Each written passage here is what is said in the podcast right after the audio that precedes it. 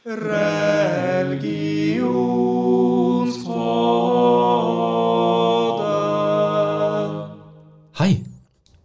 Velkommen tilbake.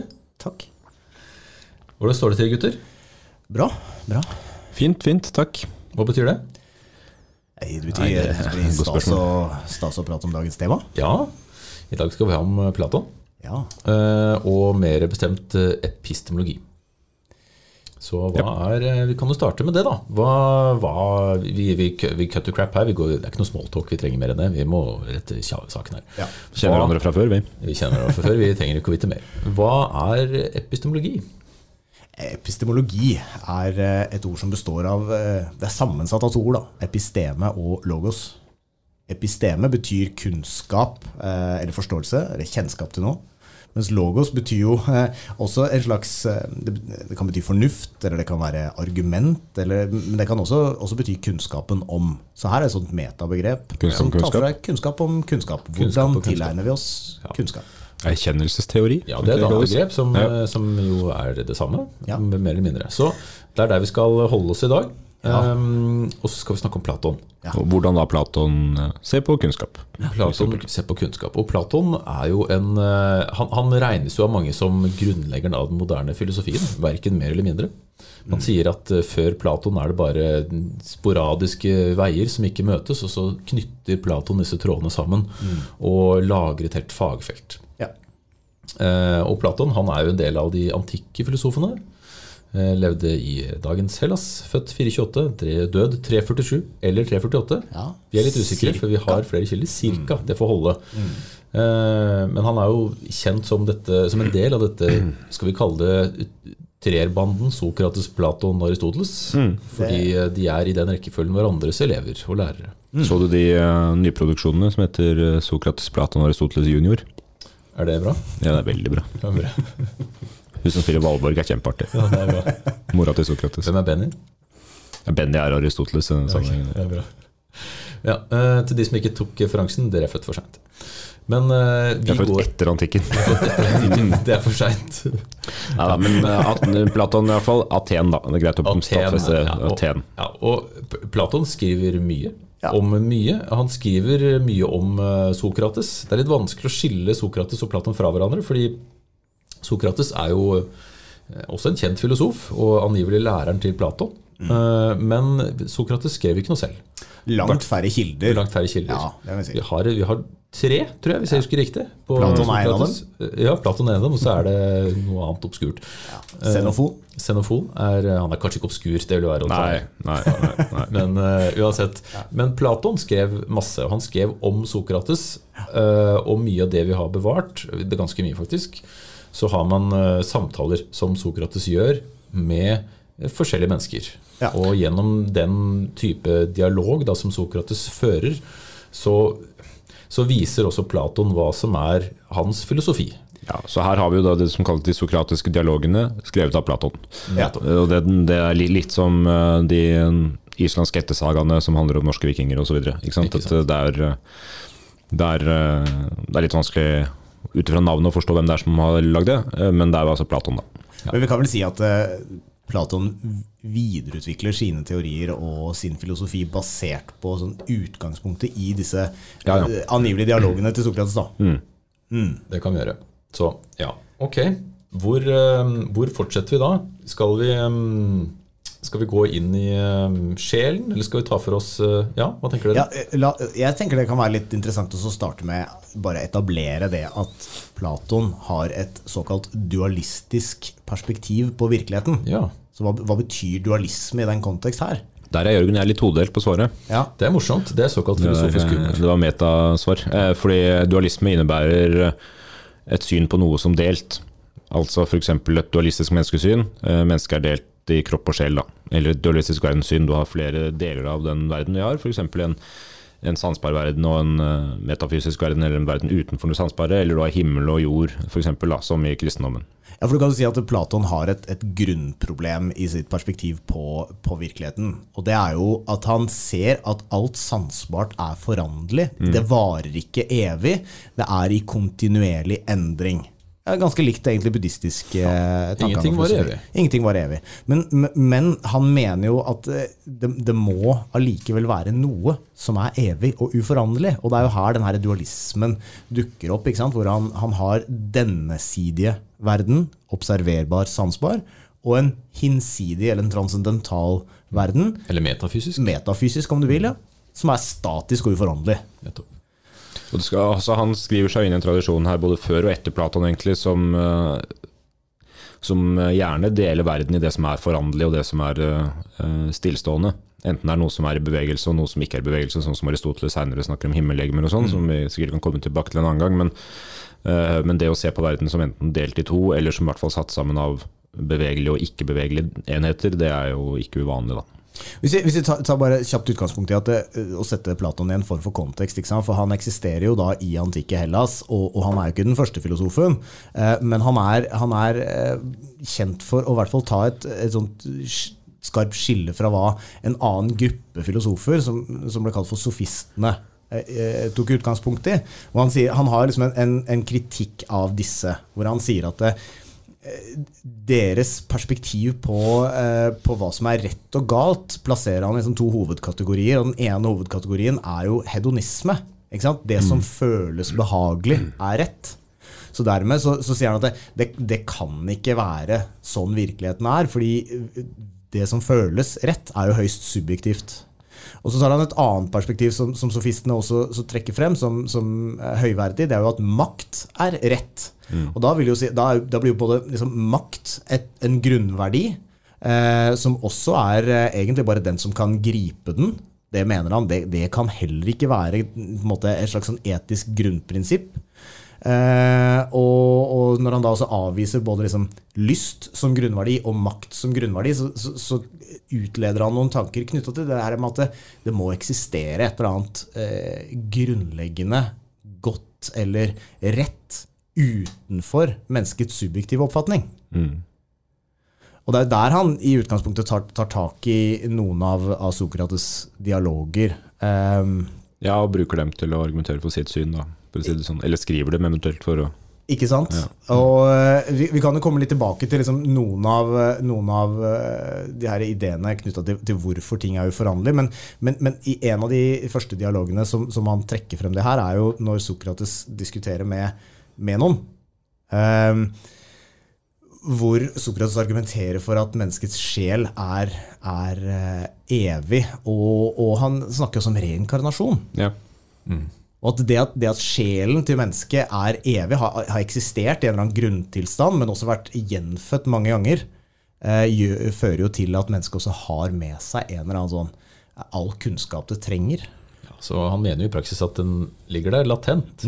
Du må bare I grave den fram. Ja. Og det, det her er jo kanskje noe som både resonnerer og eh, kanskje også bryter litt med en del folks oppfatning av hva reinkarnasjon innebærer. At du, mange, mange ser for seg et liv der du vet veldig godt at du har levd tidligere. ikke sant? Du har tilgang til det tidligere livet og sånn. så I for, mitt forrige liv var jeg budeie, eller ja, jeg vet ikke hvorfor jeg brukte det eksempelet, men man vet jo aldri.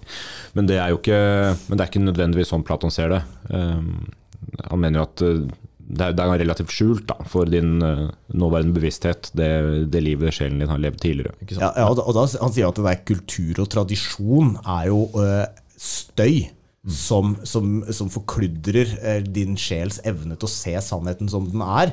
I tillegg til at det å faktisk bli reinkarnert er et traume, sier Sokrates. Ja, det tror jeg på. Ja, det tror jeg altså. Det tror jeg også når, når vi nå sier at Sokrates sier det og det, så er jo det fordi Platon da bruker Sokrates i den dialogen her, og det er Sokrates som er stemmen. Eh, nå er det også sånn, Hvis vi hadde snakka om Sokrates og ikke Platon, så hadde vi jo hatt litt større problemer kanskje med å skille mellom hva Sokrates som Jørgen sa i stad, hva Sokrates og hva Platons filosofi er. Men man, man sier gjerne at de dialogene her i hvert fall er Platons eh, filosofi. da. Ja, Eh, med Sokrates som en slags taler. Ja. Men med andre ord da, så er, har sjelen tilgang på Eller sjelen kjenner til den faktiske, den ekte kunnskapen, men den er skjult. Ja. Og du må på en måte gjennom dette skallet da, for å nå den egentlige kunnskapen. Ja. Og det, det illustrerer jo eh, Platon gjennom at i denne dialogen med Menon, så tilkaller jo Sokrates en av Menons slaver, og gjennom å stille slaven en rekke eh, spørsmål, får slaven til å utlede et vanskelig matematisk bevis. Ja. Hvor han sier at det, med mindre denne slaven har hatt opplæring i matematikk, så, eh, så fins det ikke noen annen forklaring enn at slaven faktisk har all den kunnskapen han eller hun trenger. Det er bare Man må stille de rette spørsmålene for å unnfange den kunnskapen. Og Her møter vi også Sokrates' fortreffelige logikk. da, i at han, han klarer å argumentere for sitt syn på en veldig eh, fiffig måte, Ja. som gjør at det er vanskelig å være uenig. Altså, type sånn spørsmål, så Er det ikke slik at Ja, og det er- ja, Men hvis sånn, da er vel også sånn Og det er jo det den sokratiske metoden tar utgangspunkt i. Det er jo at du kan eh, i hvert fall sånn som Platon fremstiller den, da, og som ofte ser ut i andre kilder til Sokrates, så er jo at, eh, at du kan få eh, samtalepartneren til å innse hva den allerede kan. Da. Eh, ikke nødvendigvis etablere ny kunnskap, som vi skal se hos Platon, men, men innse hva man allerede vet. Da. Det er jo det vi drømmer om hver gang vi veileder elever. Ikke sant? Hver gang vi lærer liksom, elever, Istedenfor å gi dem svar, så skal vi Ja, men hva om du tenker sånn? Er det ikke, hva tenker du da? Er det ikke sånn at Men jo, men, men mye av dialogbasert undervisning og dialogbasert eh, ja, interaksjonen i det hele tatt er jo basert på det der at du prøver å finne en fellesnevner, kanskje, noe å spille videre på, og så viser det seg at du, du sitter med en del forståelse. Ja. Og så kommer det jo an på hva slags kunnskapssyn du har, da, om det her er en sånn, tenker at dette her er innsikter som da bygger opp til faktisk ny kunnskap, som kanskje er den vanlige syn, men, eh, eller om du støtter Platon og tenker at dette her egentlig bare er ting som bygger opp til at du innser at du allerede vet det. Ja. Da, han, han presenterer jo også i teorien sin den her eh, at du har allerede eksisterende kunnskap, altså en tese, som utfordres av eh, en kritisk holdning eller kritiske spørsmål i form av en antitese. Og så vil det, kombinasjonen av tese og antitese utlede en slags syntese, som inneholder da på en måte elementer fra tidligere kunnskap og den nye kritiske perspektivet, som igjen da kan utlede ny kunnskap. da. Nå tenkte jeg på en sånn uh, eldgammel popkulturell referanse. Altså, noen sånn musikkgreie. Synt, jeg sier. Ja, det er så synd. Altså, Men, men skal, vi gå, skal vi gå inn i kjernen her? Apropos. Og, Ja. og forklare. Du, skulle, du skulle trekke noe ut fra eksempelet ditt, eller skal vi gå rett inn i hulengsen? Du, jeg, jeg kunne tenkt meg å bare nevne én ting til. og det er jo At, eh, at Platon er, eh, han er jo matematiker. Og han bruker jo Han sier at matematikken kan uttrykke eh, tilværelsens konstanter. Ikke sant? Og det er jo da matematikken er evig. Matematikken er evig. Og da bruker han jo noen eksempler. Eh, eh, hvis vi kan se for oss eh, på en måte definisjonen av en sirkel, som, eh, som er et eh, Skal vi se eh, det- er en, et, en plan, lukket kurve, der alle kurvepunktene ligger like langt fra et fast punkt. Også kjent som sentrum. Sant? Så sier han at det, uavhengig av hvordan vi prøver å tegne en sirkel, så vil vi aldri klare å tegne en sirkel helt perfekt. Men i tankene våre så klarer vi å se for oss den perfekte sirkel. Altså, det må være noe i oss som har sett denne ideen eller denne formen tidligere. Vi kjenner den igjen. Ikke sant? Vi kjenner den igjen. Men mener da Platon at uh, de matematiske konseptene, f.eks. en sirkel, da, uh, kanskje som en motsetning til en del annen kunnskap, ikke er forkludra av, eh, av kultur og tradisjon, men at, eh, og, og heller ikke er skapt av kultur og tradisjon, men at det på en måte eksisterer uavhengig av kultur og tradisjon? Da. Ja. Og det, det føyer seg jo greit inn i rekka med, med liksom det, det begren, nei, beslektede spørsmålet om matematikken er noe vi finner opp Eller eller, avdekker. Ja, ja. Ikke sant? Og, det, og det er jo et fiffig spørsmål, fordi, fordi det er jo vår, vårt språk for å forklare noe, men likevel så finnes det mønster da, som man oppdager. Så det er vanskelig for meg i hvert fall som ikke er matematiker å se liksom, skille mellom de to. Ja, absolutt. Han, han, han trekker også frem liksom, s- skapelse. For jeg tenker Før vi går inn i, i konkreter som, som noen av lignelsene hans, så er det jo litt ålreit å se litt på den der kosmologien Ja. som, han, som han snakker om. Hvor, hvor eh, greske antikke filosofer er også ofte kjent for liksom, eh, det her kaos til kosmos-konseptet. Og, og Platon eh, lanserer jo ideen om at det i utgangspunktet var kaos. Altså, Det er ikke intet som skapes av en gud til noe. Det er noe der, men det er en, en guddommelig håndverker som besjeler dette kaoset og, og skaper kosmos. Og det er, jo, det er jo det han kaller for demiurgen. Ikke sant? Etter mye arbeid, eller etter mange turer til Hellas, så har vel jeg inntrykk av at man fremdeles prøver å jobbe seg fra kaos til kosmos. Men eh, ja. Ja. Det var ikke vondt ment mot Nei, noen eh, ganger tilbake til kaos. Helener videre, men Ja, ja, ja. ja.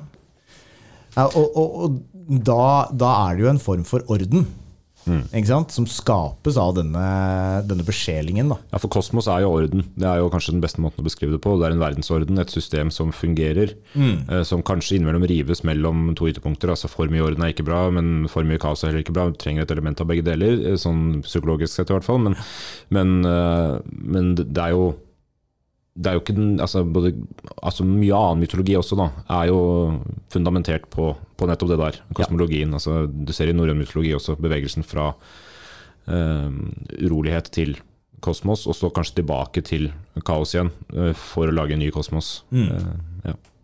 Ja.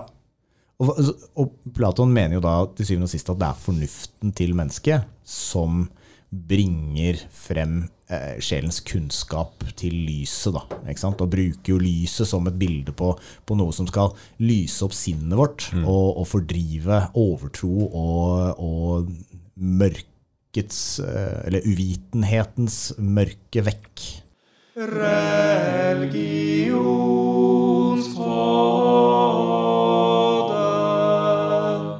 Ja, og da, da lurer jeg på, hvis det kan passe, da eh, hvordan, eh, hvordan skal vi nå denne innsikten?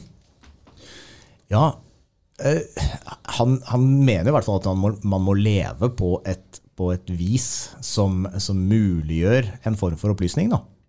Og det, det, da må man tillate sjelen å søke tilbake til sin opprinnelse, og det er jo å leve som filosof. Nettopp. Fordi som, som Platon, som andre filosofer, mener jo at filosofene har rett, Ja. selvfølgelig.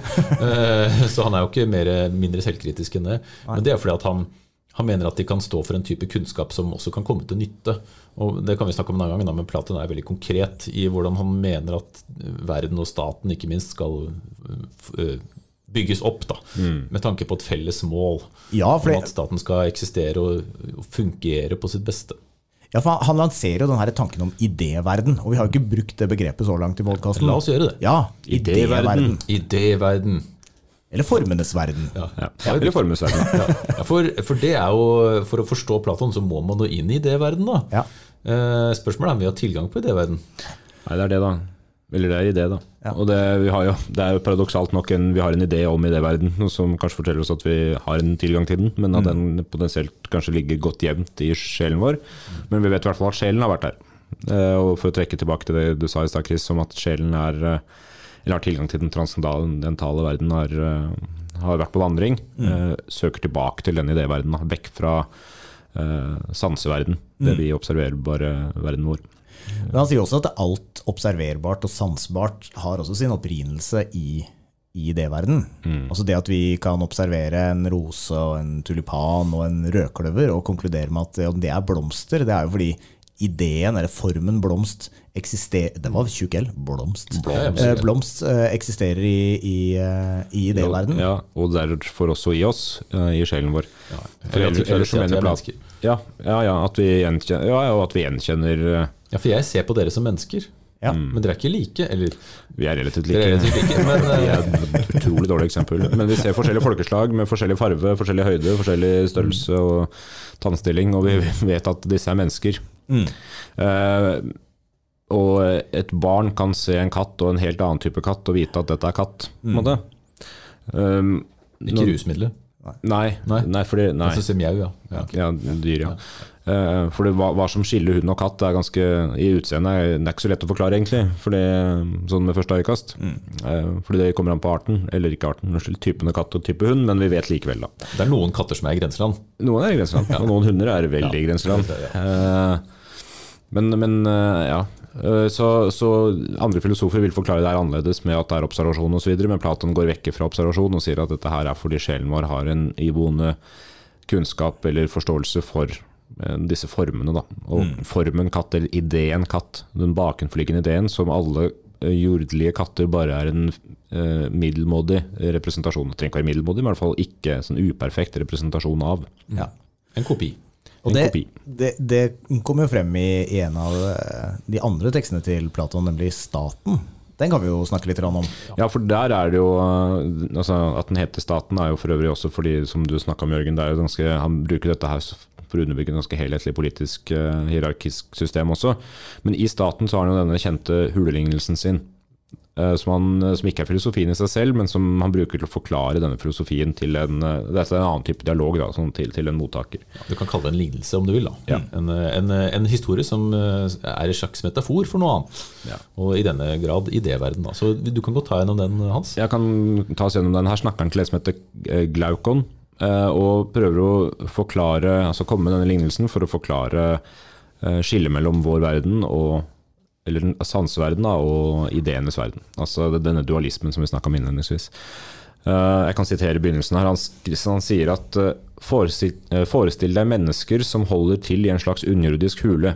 Inngangen er like bred som selve hulen og er åpen mot lyset i hele sin bredde. Tenk deg at disse menneskene fra barnsbena av er lenket rundt halsen og føttene på en slik måte at de må bli der ubevegelige og bare kan se forover inn i hulen, fordi lenkene hindrer dem i å dreie på hodet. Overfor og bak dem, et stykke borte, brenner en ild. Beg, eh, mellom fangene i hulen og ilden bortenfor går det en vei som det er bygget en lav mur langs, akkurat som på et dukketeater, hvor det foran publikum er en skillevegg som fremviserne skjuler seg bak mens de beveger dukkene langs veggens overkant. Dette her, eh, her tegner vi et bilde av folk som sitter lenka fast og ser skyggebilder lagd av noen dukkemakere som ikke er nærmere presisert hvem er. Um, videre så, så ser vi for oss en situasjon der den ene fangen klarer å bryte ut, komme seg ut av hula og ser eh, solen for første gang. Um, han blir blendet av solen. han blir blendet av solen, for, for det gjør man jo hvis man har vært i mørket lenge. Uh, han har jo den oppfatning at alt det han har sett hele livet er sant, naturlig nok, for det er det han har sett. Han har ikke noe, noe grunn til å kunne forstå noe annet, men han ser da verden for det den er. Uh, Først da. Først da. først da når han kommer ut, Ja, ja. så det og, også, og da får han også innsikt over at det han har eh, trodd er verden, ikke stemmer. ja. Så ved en ny innsikt så har han på en måte fått forståelse for verden rundt seg på en helt annen måte. Ja. Ja. Når han går tilbake igjen og prøver å forklare hva han har sett, så, så blir han for det første forvirra igjen når han går ned i mørket, fordi han har vært vant til sollyset plutselig. Um, vi kan komme inn mer på hva solen betyr og sånn seinere, kanskje, men han, når han kommer tilbake, så, så prøver han å forklare eh, til de andre og prøve å opplyse dem. Eh, de forstår ikke hva han mener, de tenker han er forvirra, og det ender opp med å, å potensielt drepe ham. Mm, det... Dette her er jo, minner jo litt om det som skjedde med Sokrates, ifølge Platon i hvert fall. At Sokrates ble drept da for å ha eller henretta for å ha spredt falske nyheter, for å si det sånn. Villedet uh, atensk ungdom. Ja. Er det litt som å ha vært på konsert alene, og så skal du fortelle om hvor bra han var, og så er det ingen som tror på deg? Nei, Det blir ikke sånn. det er ikke sånn. Nei, jeg bare tester ja, ja, for all del, det er- det er litt sånn. Litt smart å ha vært på danskebåten alene, og så skal du fortelle Nei. Danskebåten er liksom idéverden. Ja. Ja. Mm. Nei, og, og dette sier Platon er et bilde på, på sånn vi lever. Ja. Vi mennesker er de fangene som sitter i hulen og kun ser skyggebilder. Alt vi ser er skyggebilder. Eh, Vi må komme oss ut av hulen og opp og vekk, og det gjør vi ikke gjennom observasjon. Det kan vi bare gjøre gjennom eh, filosofi. Ja. Så det er jo filosofen som bryter ut. Det er filosofen han ene som bryter ut. Ja. Og det er ikke gitt at du skal klare å overbevise alle andre. Og det er ikke nødvendigvis målet heller. fordi mm, du kan se for deg en situasjon der fangene utgjør en essensiell del av et samfunn. De gjør en jobb som ikke nødvendigvis krever innsikt i ideene, men de, de lever sitt liv på basis av det de tror er sant. Da. Ja, og dette passer jo også godt inn i, inn i Platons eh, hierarkiske system, da, som man også skisserer i staten, at man trenger alle Altså Man trenger alle typer mennesker i et samfunn, men de må være på riktig plass. Og filosofene har sin plass, men arbeiderne har også sin plass. Ja, for er det ikke sånn at det er enten så må filosofene bli konger, Ja, eller det- så må Kongene kongene bli filosofer? Det er litt sånn opplyst Ikke sant? Ja, og han, han ser på dette som en slags utviklingstrapp, da, hvor han på en måte du må Filosofene er ofte eldre. De må gjennom stegene før de forstår at de er filosofer, eller før de på en måte kan mm. gjøre seg fortjent til det gjennom sin kunnskap og erfaring. Da. Ja, for det er en gradvis prosess. Ja. Så, eh, så Ja, det er jo det, og, og du, du utdanner deg, og så kanskje du må hoppe av løpet på et eller annet tidspunkt, fordi du, nå har du liksom pika. Du har nådd eh, ditt nivå, og da kan du jobbe som et eller annet da, på det nivået. Enten det er håndverker eller eh, jurister og whatever. Eh, noen går videre, blir lærere, noen går enda lenger, og da ender de kanskje som filosofer på toppen, og skal herske, da. Så, så hvis vi skal liksom trekke noe ut av det her, da, så ser vi at Platon ser på kunnskap som ikke noe som helles inn i mennesket utenfra, men som noe som hentes frem Ja, fra innsiden. er- da han snakker om erindring, at fordi sjelen din har tilgang til disse ideene, fordi den har vært der, den, den har vært ute av hula, eh, så, så kan vi, når vi lærer noe, så erindrer vi egentlig det vi allerede vet. da. Vi bare minner oss selv på det. Så trekkes frem fra sjelens dype glemsel osv. For å bruke en, eh, et bilde som eh, man også kan bruke Sokrates i, da, det med forløse kunnskap. altså Filosofen er en slags jordmorskikkelse. Ja. Henter fram kunnskapen som allerede er i mennesket. Ja. Men, men du trenger jordmoren, eller filosofen, da, for å få fram kunnskapen, for å ha tilgang til den. Ja, og, og metoden filosofen bruker, er jo dialogen. Ikke sant? Så gjennom dialogen, ikke gjennom påfyll av kunnskap, eh, som, det Chris, som, eh, som sikkert også mange tenker er mest behagelig. Apropos det du sier i begynnelsen her. Men liksom at det, du, du skal ikke Du lærer ikke nødvendigvis mest av den behagelige situasjonen. Du må utfordres gjennom dialogen. da. Ja. Og det kan virke mer eh, Det, det er litt mer slitsomt Ja. å gjøre det gjennom dialog enn å bare gi meg svaret. Slitsomt for begge parter. Som lærere vet vi jo det veldig godt, at når du får et spørsmål og det koker overalt, så er det lettere å bare svare på det spørsmålet enn å hjelpe eleven til å finne svaret selv. Men det er jo det som kanskje skiller da sofistmetoden fra Sokrates-Platon-metoden. Det er det å ta penger for å bare gi et svar, kontra det å veilede til rett innsikt. Eh, ja. Sånn sett så hadde sofisten en bedre forretningsidé. De hadde en bedre forretningsidé, og jeg syns jo sofisten har fått ufortjent mye kritikk i vestlig filosofihistorie fra folk som stort sett har presentert kritikk som etablert kunnskap. Eh, altså opererer man jo stort sett som sofister. Ikke sant? Eh, Det så, så det er jo en fiffig paradoks der. Ja. Eh, men ja, Ja, men tenk om vi hadde fått lønn for å jobbe som lærer. Det hadde vært noe. tenkte Himmelen, gutter. Himmelen.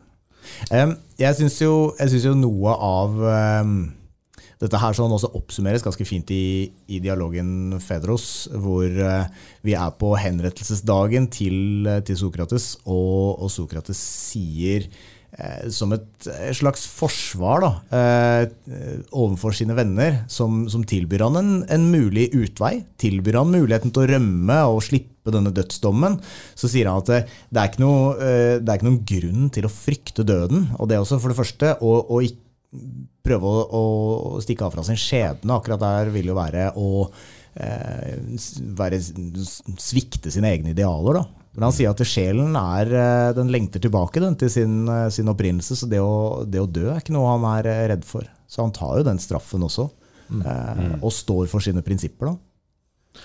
ja.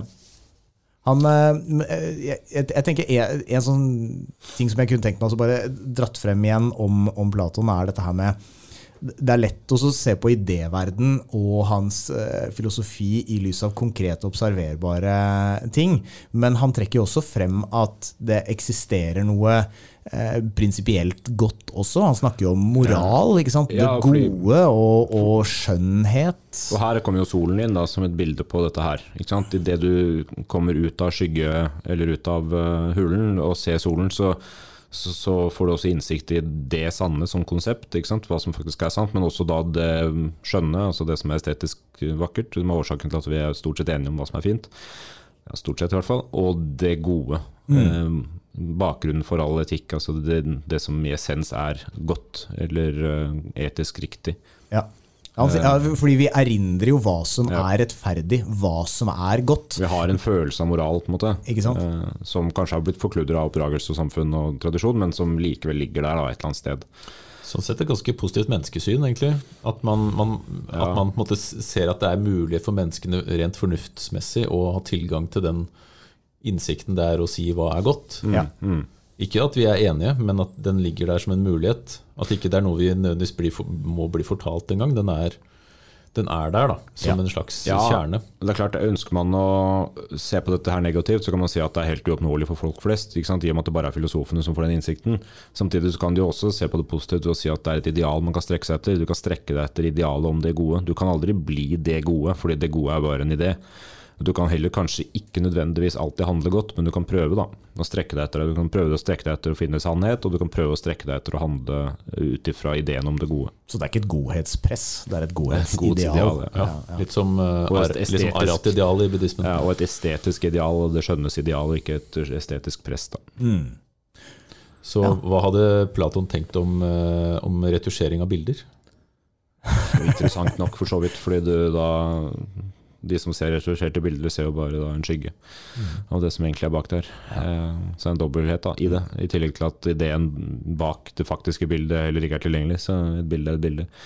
Sånn sett er hulelignelsen fiffig i den sammenheng. Men det som kan gjøre det her enda verre, er jo at når når Platon mener jo at det at eh, Han er veldig opptatt av begreper, og det, det at begrepene våre om ting kommer fra ideene. ikke sant? Så når vi kaller noe noe, så er det fordi vi har en idé om, at vi, om, om hva det er. Eh, og han sier jo det at det at vi har en idé, betyr at, eh, at det eksisterer. Ellers hadde vi ikke hatt en idé. Eh, hvis det ikke hadde vært noe der. Men det vil jo også da bety at eh, det bak denne idéverden eh, må finnes andre ideer igjen som representerer de ideene. For ellers hadde ikke vi hatt noe idé om ideene. Så lenge vi vet hva en hest er, så er det fordi vi har en idé om en hest. Og da finnes det en konkret idé et eller annet sted. Men fordi vi også har en idé om den ideen, så må det være en idé bak ideen. En, en annen, et nytt ledd da, av en idéverden eh, som vi ikke egentlig helt hvor, vet hvor ender. Eh, fordi også ideen om det gode, solen, da, eller ideen om det sanne, den overordna ideen, må jo også da tydeligvis ha en bakenforliggende idé for at vi skal forstå ha innsikt i den. Hva slags eh, hinsides resonnement der, eh, Hans? Skal vi Det- prøve du å kan trekke trekke det, Du kan dra ned det langt, igjen? langt, langt. Ja. Skal, vi- skal vi prøve å, prøve å oppsummere eh, epistemologien til, til Platon i relativt korte trekk? Hva vil vi Det- det trekke frem? Um, sjelen har, har tilgang på kunnskapen. Ja. Du, du, har, du har tilgang på denne kunnskapen hvis du blir fortalt metoden for å nå den. Ja. Um, det finnes sannheter som er evige, som matematikken. Ja. du er født med en fornuft som kan gjøre at du kan navigere ut ifra ikke si, det, vi, det vi da kunne kalt morallover, da, eller ting som er rett og galt. Og så finnes det ideer som representeres gjennom kopier, og det er det vi observerer gjennom våre sanser. Og Derfor kan vi ikke ha sikker viten om det vi observerer, bare Så- antagelser. Ja, så han er den rake motsetning til sin elev Aristoteles, som mener at vi kan stole på sansene, men at man må kombinere det med den erfaringen man får. Og dermed får man kunnskap. Ja. Ja. ja. Fint oppsummert, eh, karer. Takk. Da tror jeg vi var igjennom. Virker sånn. Vi har ikke glemt noe da? Nei, jeg tror ikke det. Nei. Spørsmålet er om denne podkasten eksisterer. Tror vi er ferdige. Ja. Ja, men da ses vi, høres vi neste gang. Ha det. Ha det. religions